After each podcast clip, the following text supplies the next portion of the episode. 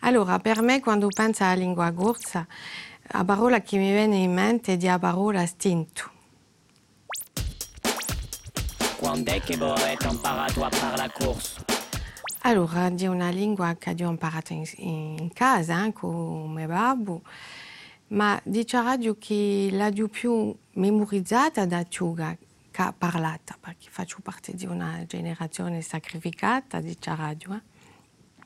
E dopo, quando sono giunta all'università, ho avuto il mio primo corso di corso con Giacomo Mutier, e qui ho capito che sarei una maestra bislingua, e ho trovato mi riacquisto. Ecco, dunque un messaggio che volevo passare oggi è che veramente è una questione di volontà, ho deciso di parlare. Quando la dublate a lingua corsa?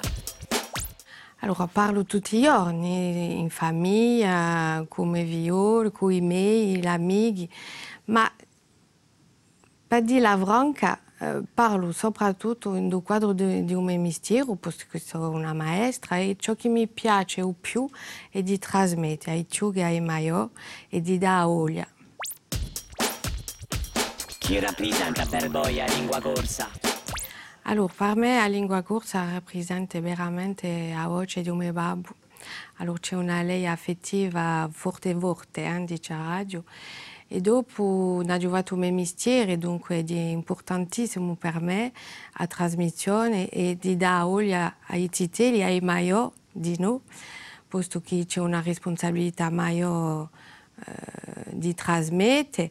E quando mi trovo in un luogo in cui si sente parlare corso, in cui io posso parlare, mi sento veramente a mia piazza. Come dite la bene di lingua corsa? Allora, la bene di lingua corsa io sono positiva, eh, posto che lavoro in quantità, dunque so è di la bene. Uh, ciò che è di primordiale tramandare, a cui è sicura, di dare ciò che è importantissimo di dare a scelta. A scelta ai titoli dopo di parlare o no sa lingua.